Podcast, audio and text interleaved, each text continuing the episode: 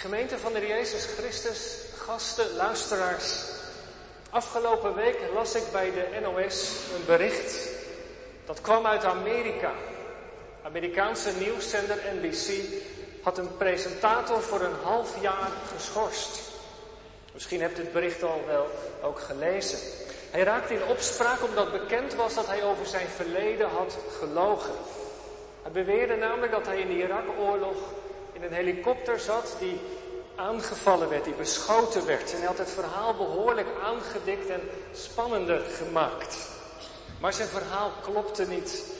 Zo maakten enkele Irak-veteranen duidelijk. En toen gaf de nieuwszender een verklaring uit en zette hem een half jaar op non-actief. Want ze vonden het onacceptabel, ik citeer, dat iemand met zo'n reputatie niet de waarheid sprak. En onlangs had het dagblad Trouw ook al een dergelijk probleem. Toen een van de redacteuren moest vertrekken omdat hij gelogen had over zijn bronnen. Hij had als journalist een geruchtmakend artikel geschreven over problemen met de radicale moslims in de Haagse Schilderwijk. Allerlei bronnen genoemd, maar die waren niet meer te traceren, niet meer te verifiëren. En zo laadde hij de verdenking op dat hij niet de waarheid sprak en hij moest het veld ruimen. En van tijd tot tijd horen we van die verhalen. We kennen allemaal nog wel, denk ik, het voorbeeld van de psycholoog en wetenschapper Diederik Stapel. Had onderzoeksdata vervalst om zijn theorie kloppend. En fraude met onderzoeksgegevens is in de wetenschap gelukkig een ernstig vergrijp. Zomaar een paar voorbeelden uit de actualiteit die het nieuws halen. En gelukkig maar denk je dan bij jezelf dat dat ook aan het licht komt. Dat er in de wetenschap, in de media toch ook een soort kritisch besef is dat de waarheid ertoe doet. Want niets is zo erg natuurlijk als de leugen normaal wordt. Of als feiten worden verdoezeld, dan, dan worden de fundamenten van de samenleving, van het rechtssysteem waarin we leven, aangetast. En natuurlijk, tegelijkertijd wordt er in de media ook heel veel kritiek gegeven op mensen. Dingen gezegd die niet kloppen. Een suggestief artikel of bericht en iemand kan zomaar zijn baan kwijtraken. En wat kunnen journalisten toch geweldig hard zijn en het op de man of op de vrouw spelen en iemand afserveren. Of het roddelcircuit, er wordt zomaar iets gezegd over iemand en het gaat een eigen leven leiden. Zijn boemerang gaat het rond. En ja, het blad Charlie Hebdo had er natuurlijk ook een handje van. Spotprint en de tekeningen waren zo grof en schokkend, godslastelijk zelfs. Niets en niemand werd in dat blad ontzien. De makers gingen zo vaak over grenzen heen van wat fatsoenlijk en passend is in een beschaafde cultuur. Het rechtvaardigt natuurlijk niet de moord die is gepleegd, in tegendeel, dat was fout. Maar als je weet, iets weet van de inhoud van zo'n blad, dan zou je nooit zomaar kunnen zeggen, je suis Charlie. Of wat te denken van de reclame. Hoe vaak worden dingen niet gesuggereerd. De waarheid niet geweld aangedaan. Dan gemeente, met al deze overwegingen, zo aan het begin van de preek, zijn we gelijk gekomen bij het hart van waar het vanmiddag over gaat. Dat negende gebod dat God aan zijn volk Israël meegeeft voor het beloofde land. Opdat het zal leven naar zijn wil, opdat het weet wat goed is en wat niet goed is. Nu gaan we vanmiddag wat meer inzoomen op dat negende gebod. Het zijn maar een paar woorden. U zult geen vals getuigenis spreken tegen uw naaste. Drie dingen wil ik over dat gebod allereerst zeggen. Even de vinger bij vals getuigenis. En dat wijst er in eerste instantie op dat het gebod dat God geeft aan Israël te maken heeft met een rechtspraak. dat bleek ook wel uit de woorden die we lazen uit Exodus 23. Als er in Israël recht gesproken moest worden, dan waren getuigen geweldig belangrijk. Want er waren geen camera's, er was nog geen DNA-test. Het vaststellen van de schuld of het bewijzen van onschuld hing uitsluitend af van mensen die het hadden gezien. Getuigen. Een rechtspraak had twee of drie getuigen minimaal nodig dat de oudsten van de stad uitspraak konden doen. Maar wat nu als die getuigen met elkaar op een akkoordje gooiden, als ze gingen voor de mening van de meerderheid, of als ze zich zouden laten omkopen, dan zou er geen recht gedaan kunnen worden.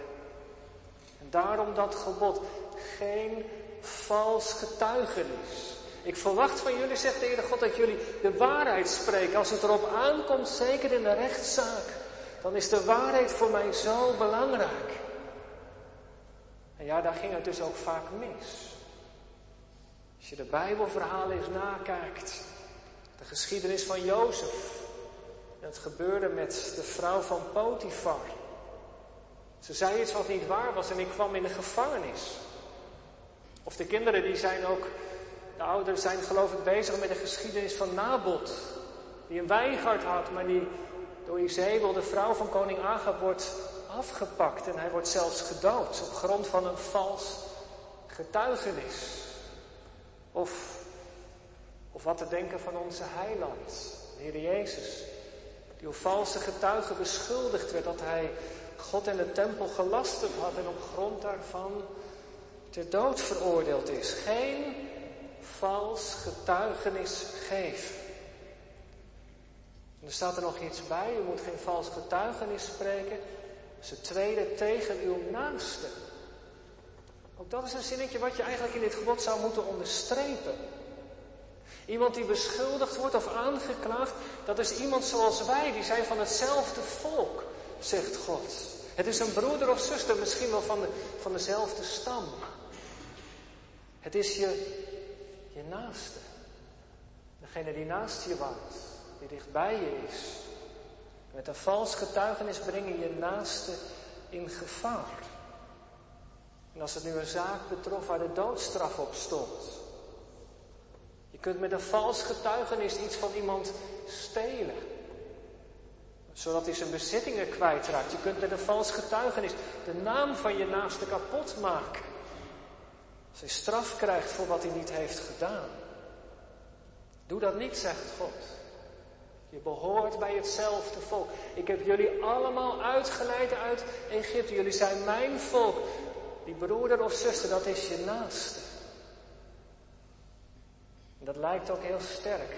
Wat Paulus zegt in de Efezebrief. Leg de leugen af, dat past niet bij jullie. Spreek de waarheid, wij zijn leden van elkaar. We behoren tot dezelfde gemeente. God heeft ons aan elkaar geschonken, zegt Paulus. Om naar elkaar om te zien.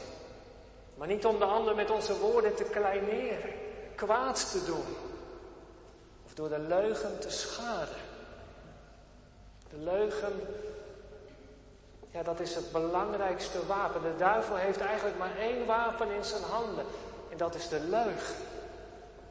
In Johannes 8 wordt hij ook zo genoemd, hè, de vader van alle leugen. En zo is het natuurlijk in het begin ook begonnen.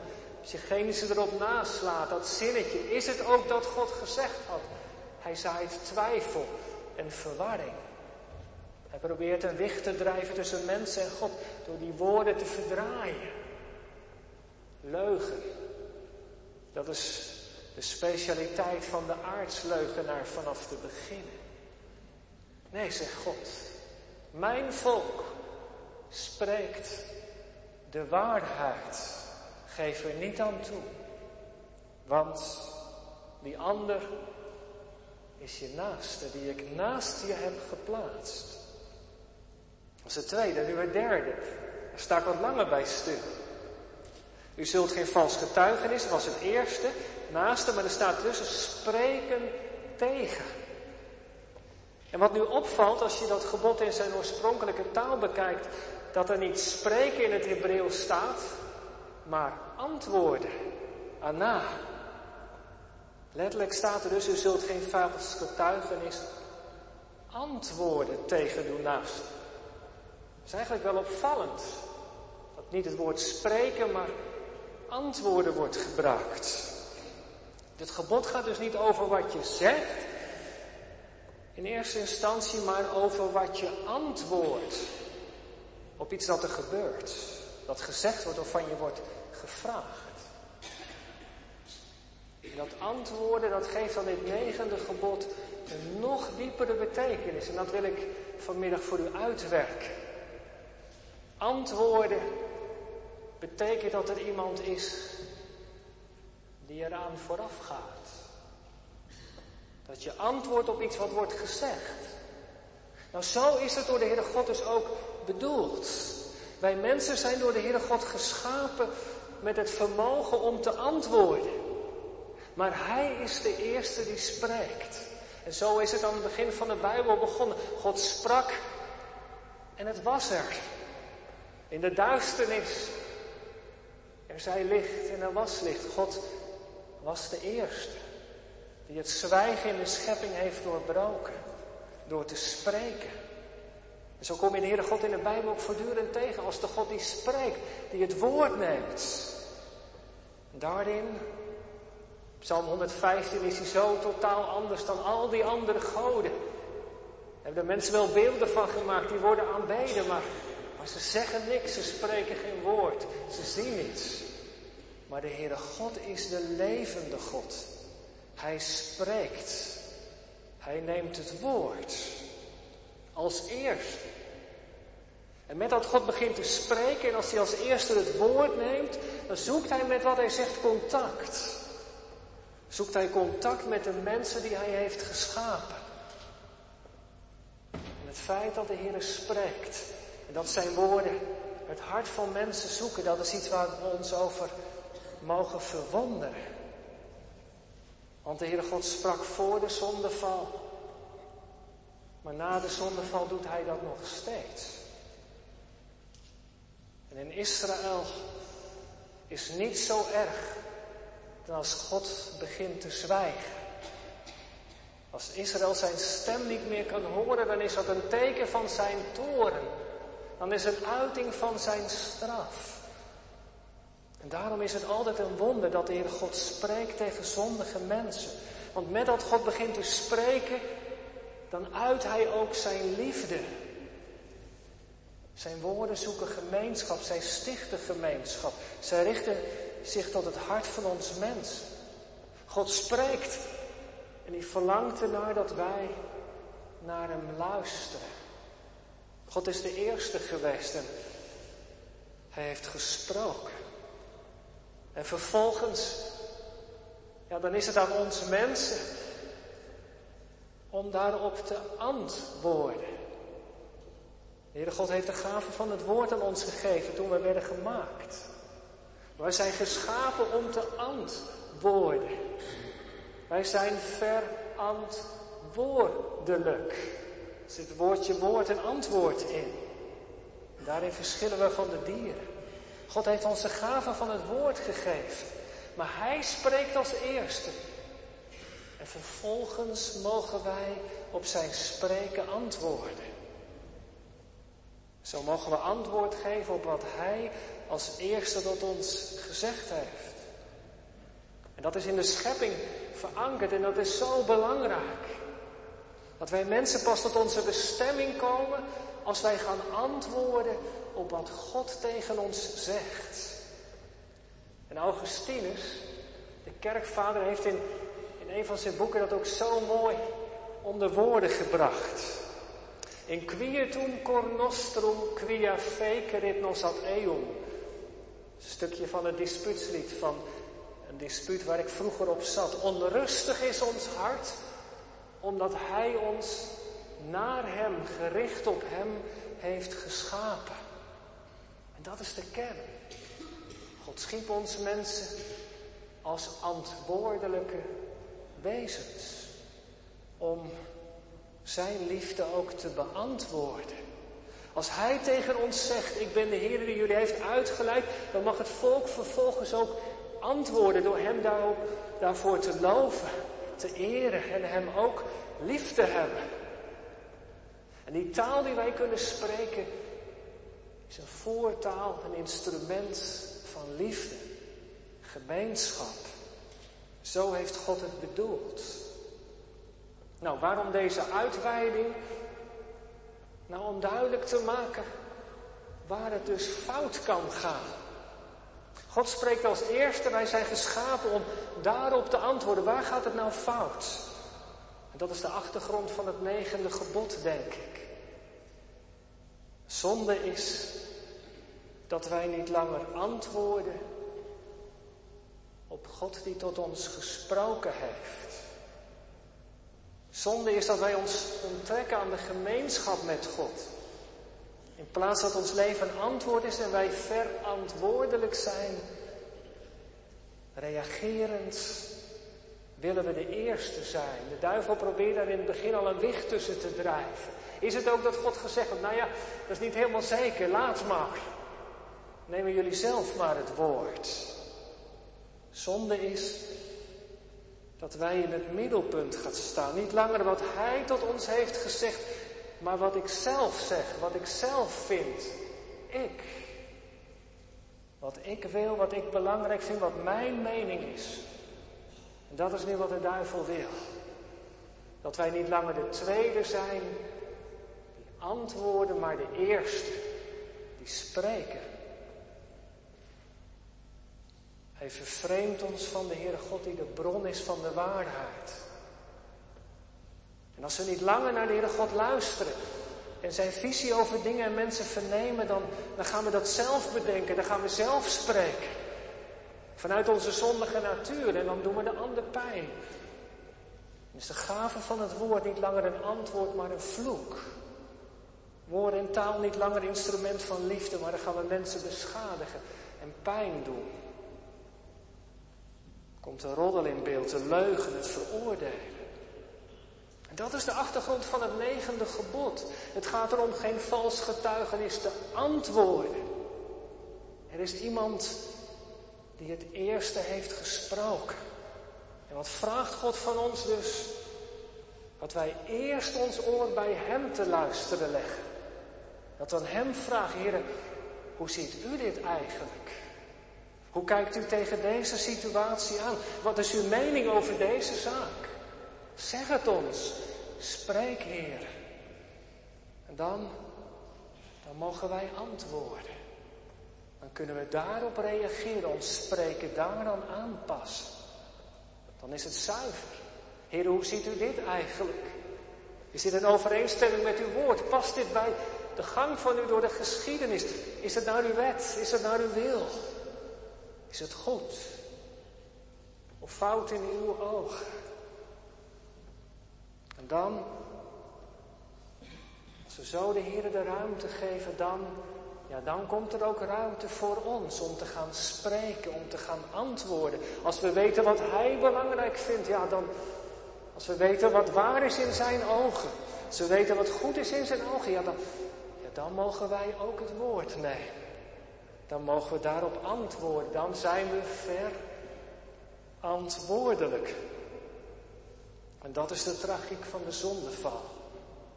Dat die duivel daar een wicht tussen dreef. Heer God als eerste. Maar nu zijn wij de eerste die spreken. Weet u wat ik zo bijzonder vind? Wat de genade van God zo diep maakt. Dat is dus na die zondeval in die wereld waar de leugen zeg maar regeert.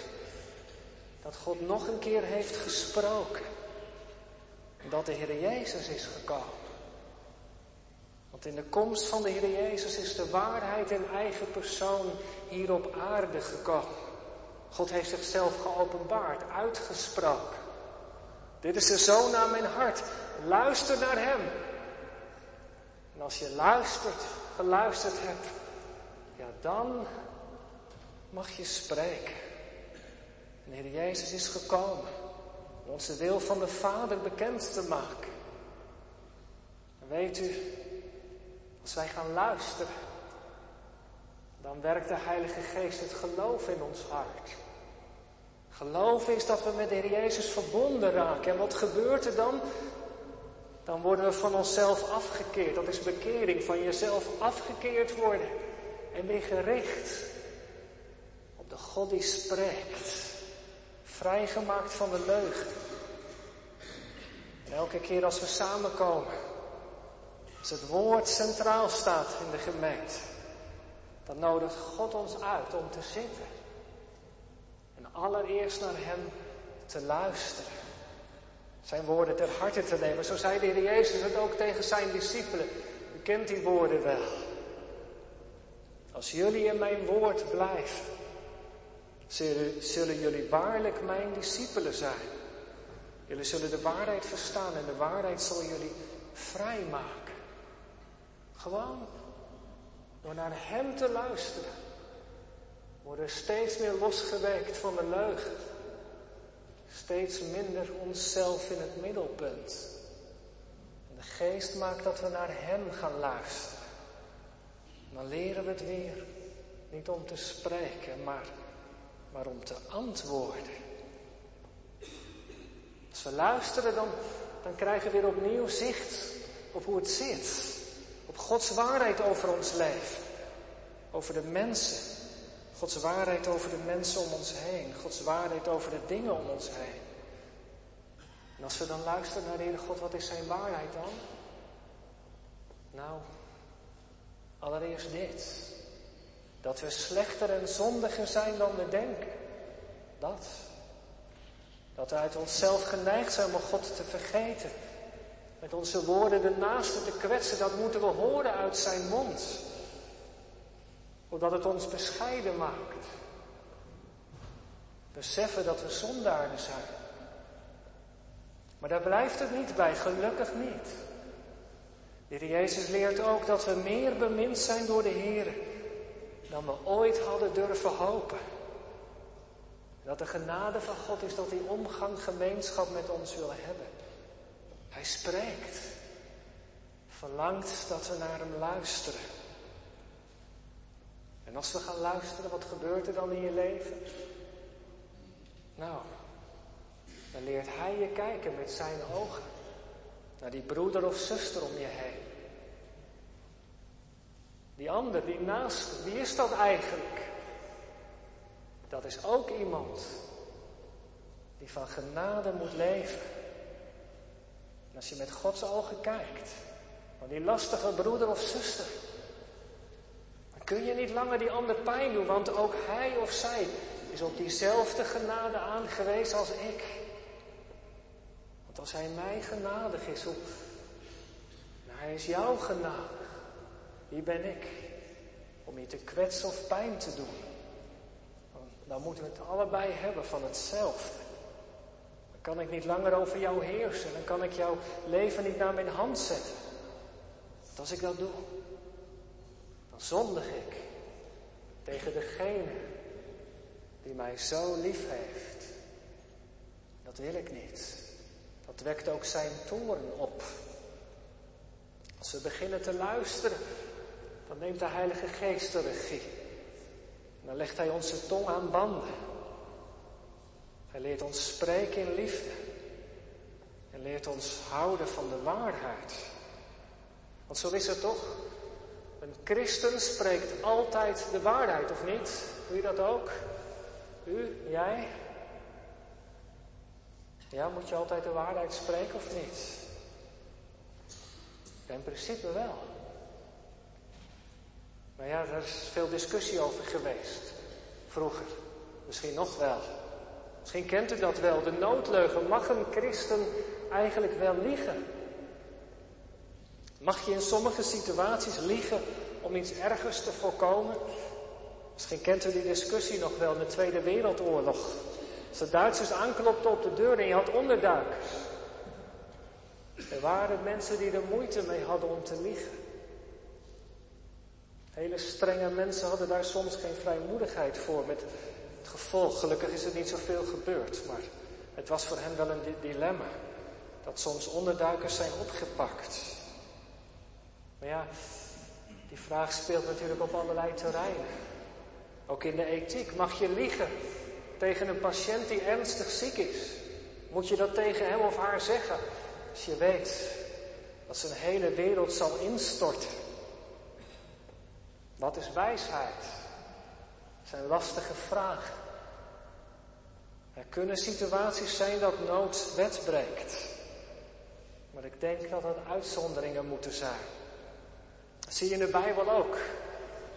Een christen spreekt de waarheid. Er zijn situaties waarin je soms zou moeten liegen, maar dat zijn uitzonderingen.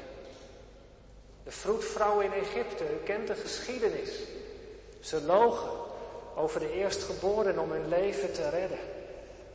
Rachab de hoer loog over de verspieders en redde hun het leven. Misschien is dat de enige uitzondering. Als het leven van iemand op het spel staat. Maar in principe is het zo.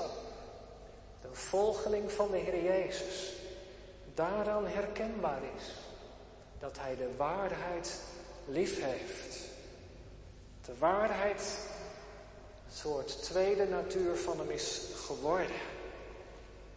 Gemeente, het negende gebod gaat dus over de macht van het woord. Het wil ons bewust maken van de macht en de kracht die woorden kunnen hebben. Woorden kunnen visioenen oproepen. Woorden kunnen mensen intens blij maken. Woorden kunnen mensen ook enorm kapot maken en breken. Antwoord niet vals, zegt God. Gebruik de gave die ik je gaf op een goede manier. Hoe doe je dat? Ik noem nog twee dingen praktisch. Tot slot. Kun je die gave van het woord goed gebruiken? Het eerste is denk ik dit. Het begint met liefde. Liefde voor je naaste.